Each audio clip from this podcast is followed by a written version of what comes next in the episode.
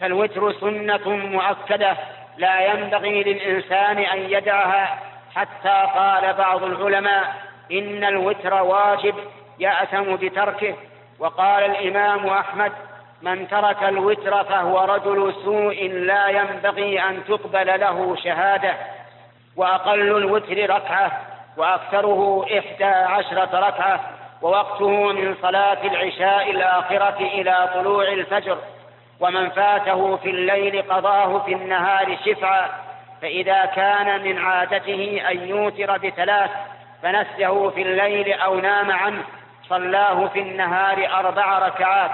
لما في صحيح مسلم عن عائشة رضي الله عنها أن النبي صلى الله عليه وسلم كان إذا غلبه نوم أو وجع عن قيام الليل صلى من النهار ثنتي عشرة ركعة.